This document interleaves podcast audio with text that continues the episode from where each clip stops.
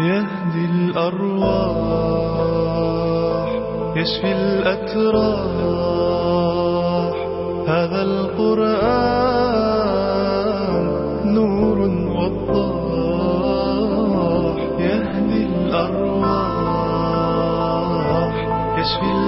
الأتراح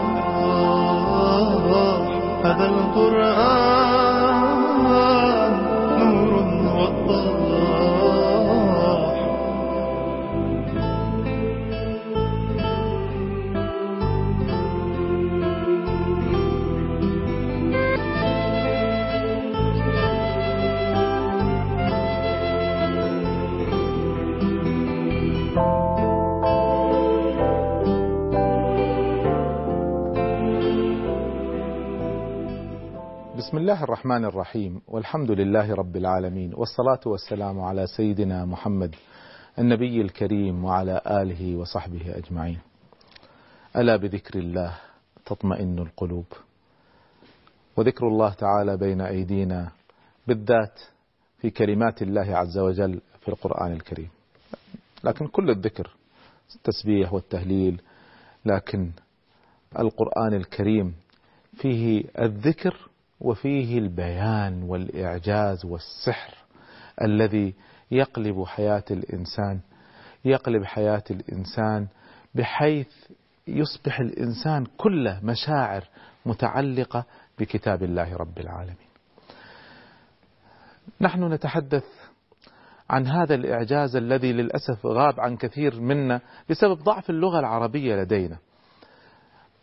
في ضعفي باللغة العربية كثير من الآيات كثير من الأحاديث كثير من الكلمات في القرآن ما أستشعرها.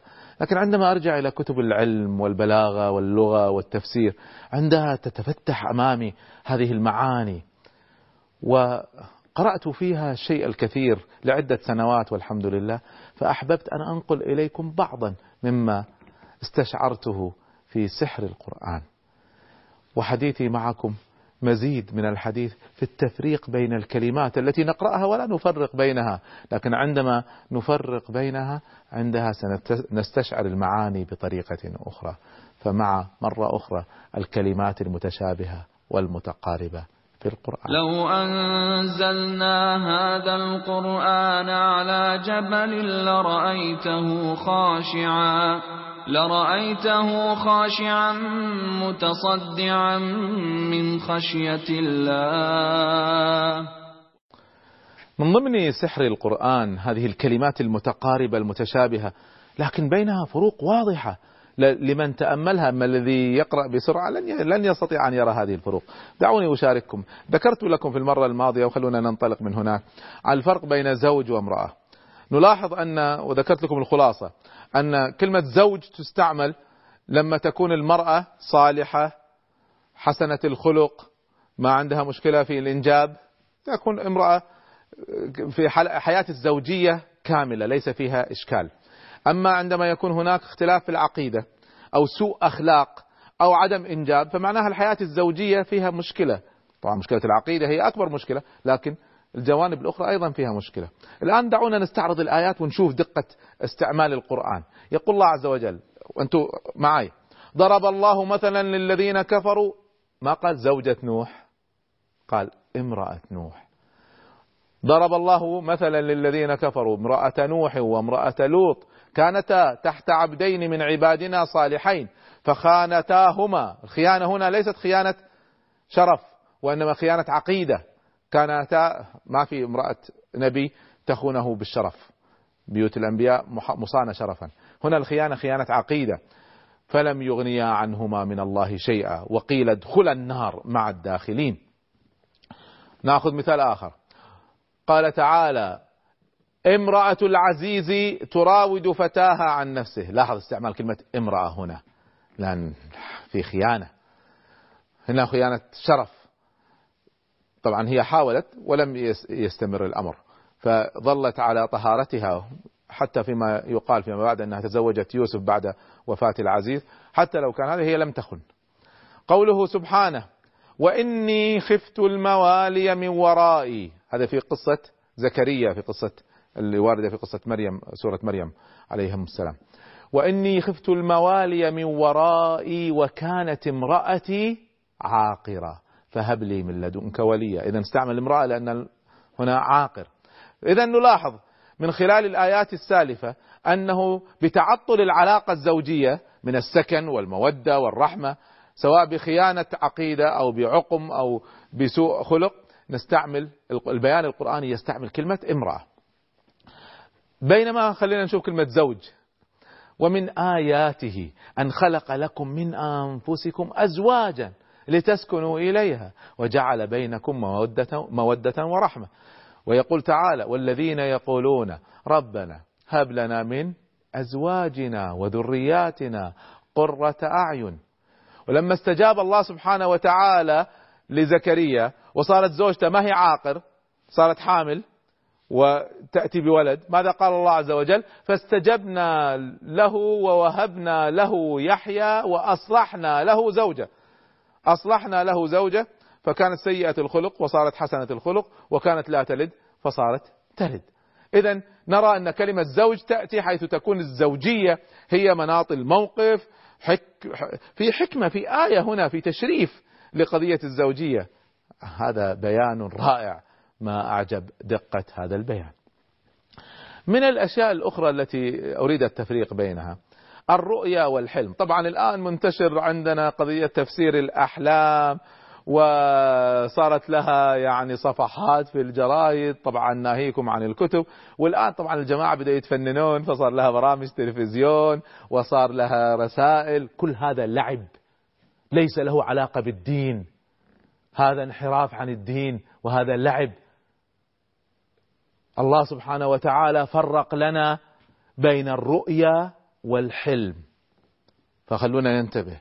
لا نلعب بالدين لا نلعب بالقرآن. هي أمة أمة اقرأ تصبح أمة أحلام وأوهام وشعوذات وسحر وجن وشياطين. إيش هذا؟ خلونا نرقى بديننا.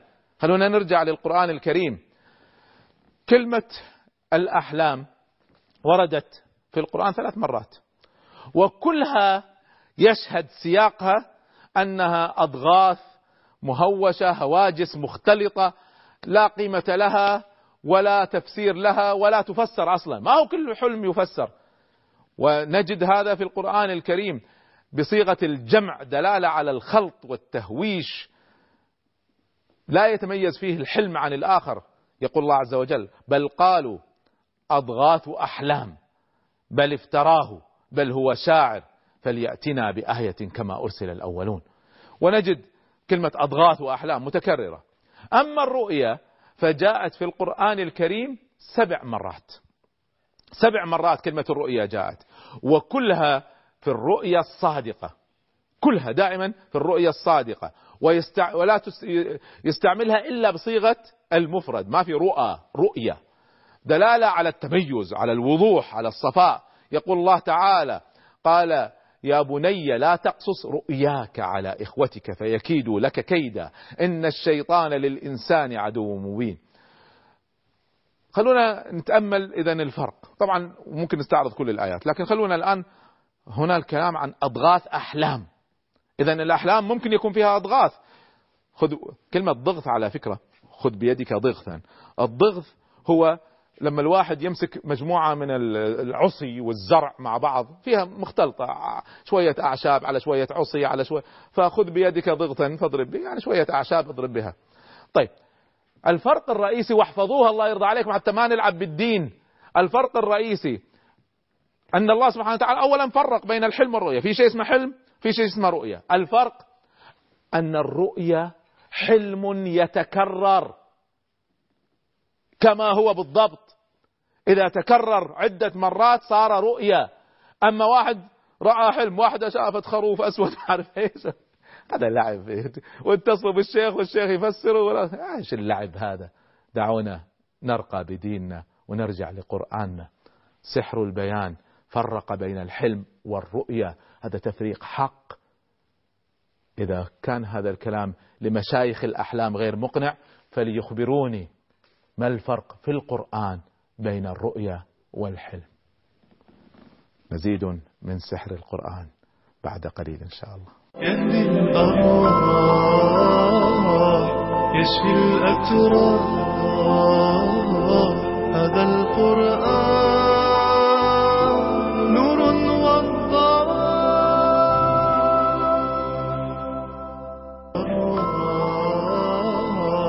يشفي الأتراح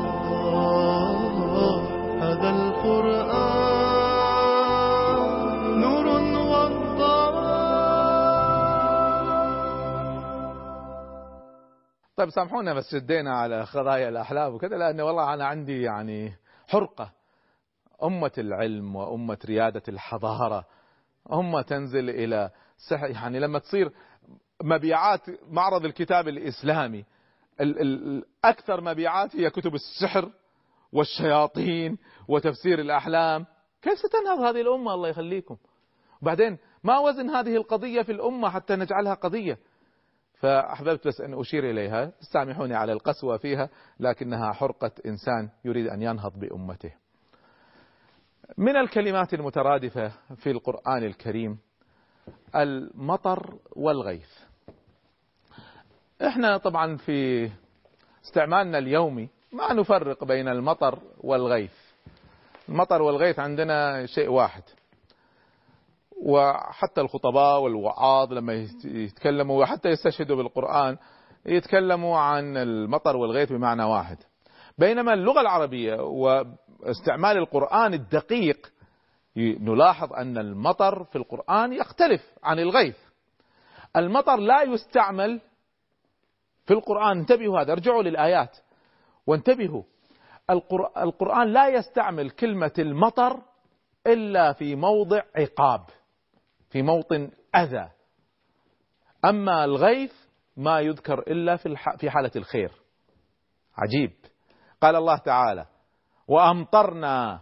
إذا نتكلم عن ماذا؟ بس أشوف كلمة مطر. فورا أتوقع عقاب أو أذى. وأمطرنا عليهم مطرا. فانظر كيف كان عاقبة المجرمين.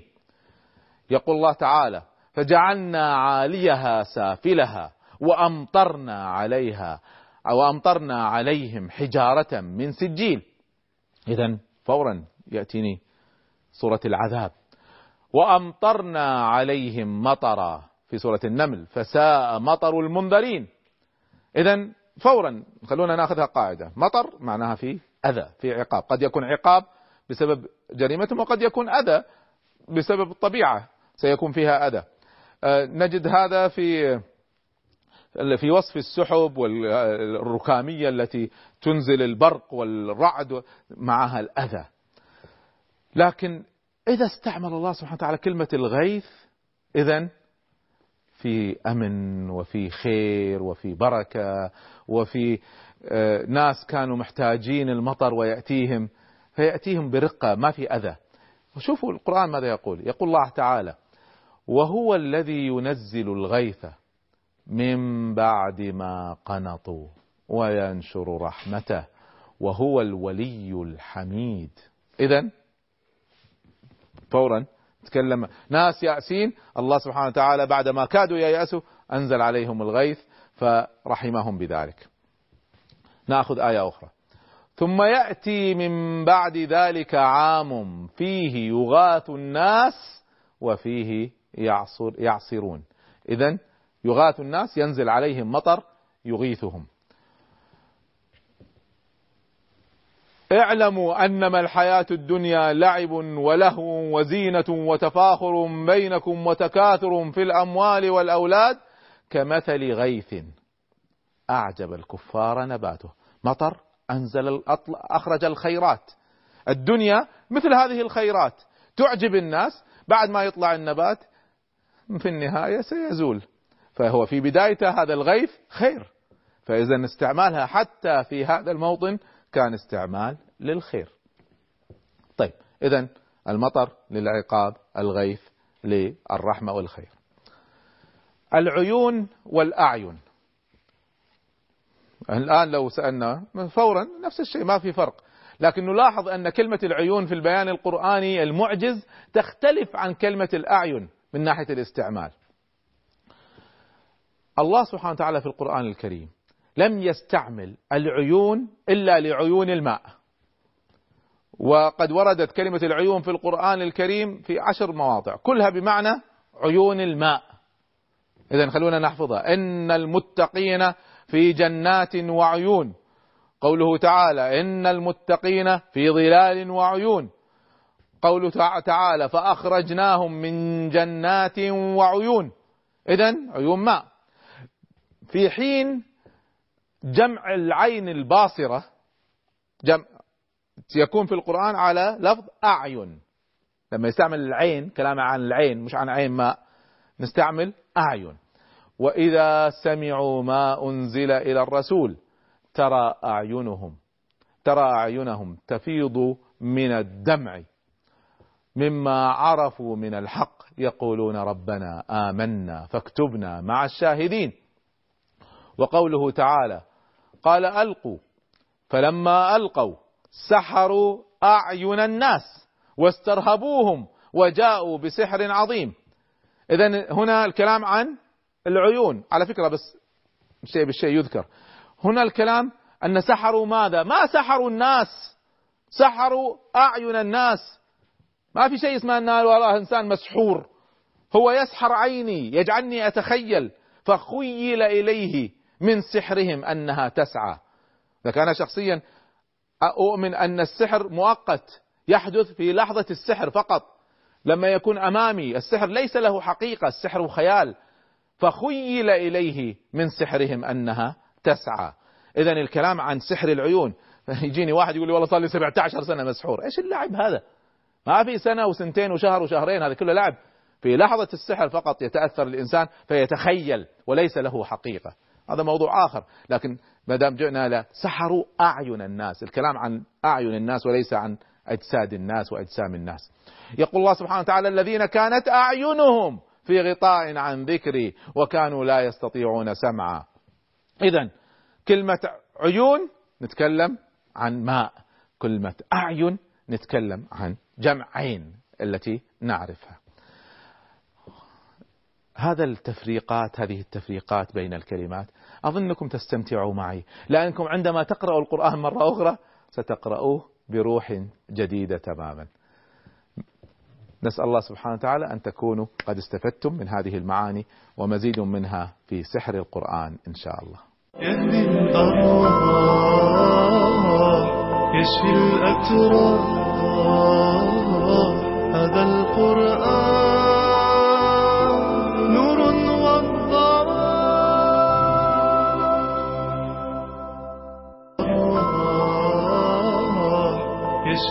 الأتراح هذا القرآن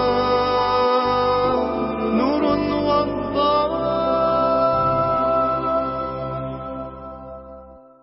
ما زلنا مع الكلمات المتقاربة والمتشابهة في القرآن ودعوني أضرب أمثلة أخيرة أخذنا عدة حلقات في هذه المسألة لكنها جميلة وممكن الواحد يتوسع فيها ويجعلها برنامج كامل.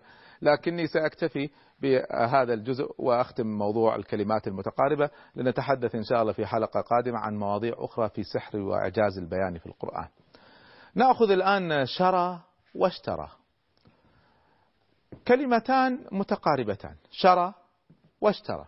أصلهما واحد طبعا في اللغة لكن العجيب أن معناهما ليس فقط مختلف بل بينهما تضاد في عكس المعنى.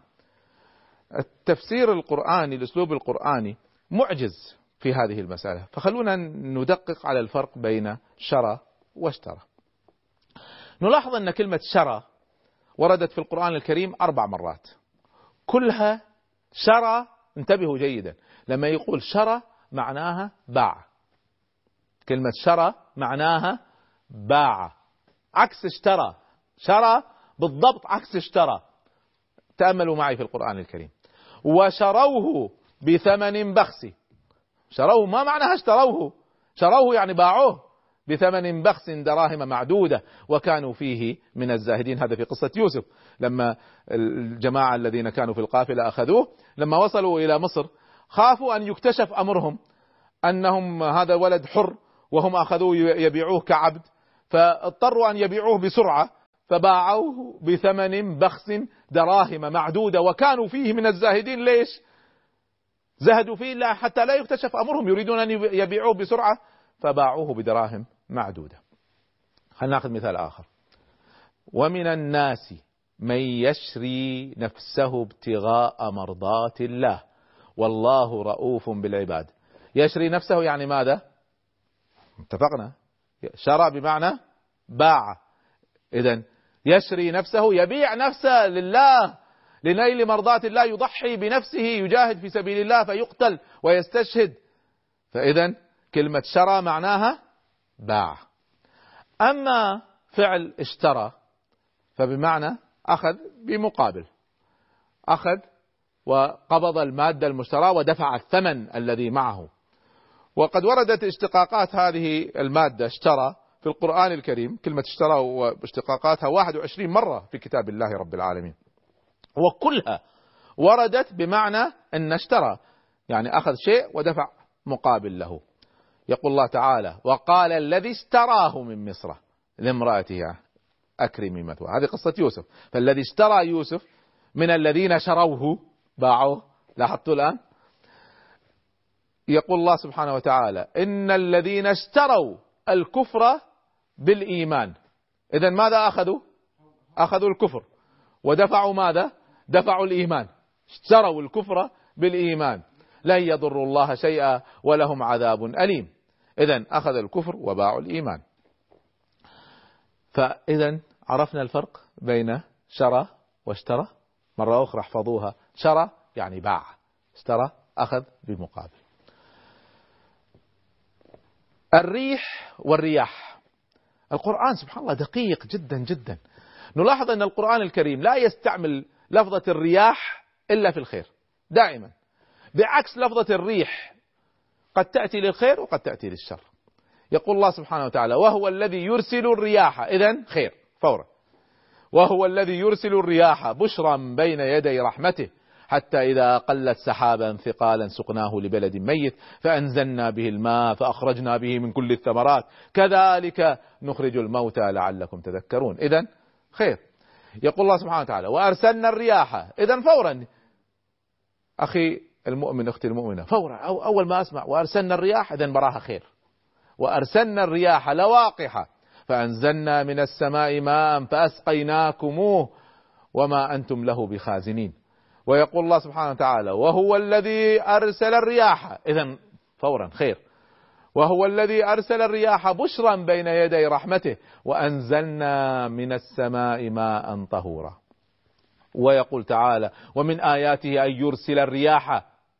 خير إذا مبشرات وليذيقكم من رحمته ولتجري الفلك بأمره ولتبتغوا من فضله ولعلكم تشكرون.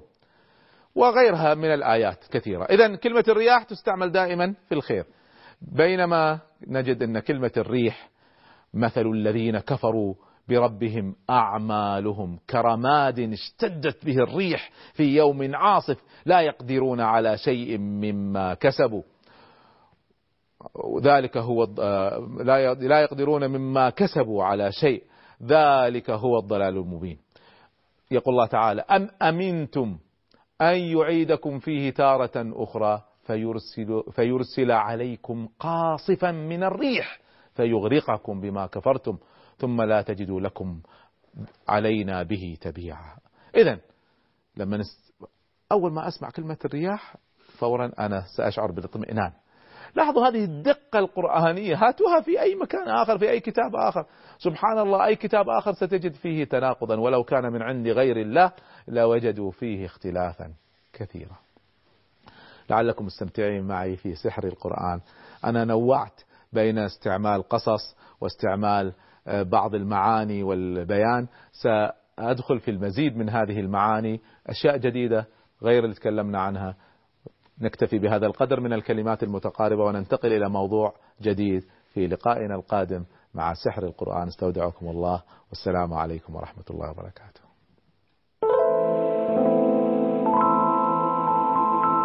يهدي الأرواح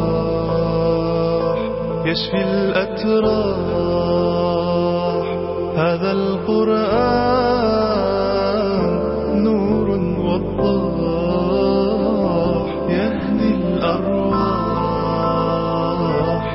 يشفي الأتراح. هذا القرآن نور وضاح جمال بيانه فينا يروينا ويحيينا. جمال بيانه فينا يروينا ويحيينا. هو القرآن معجزة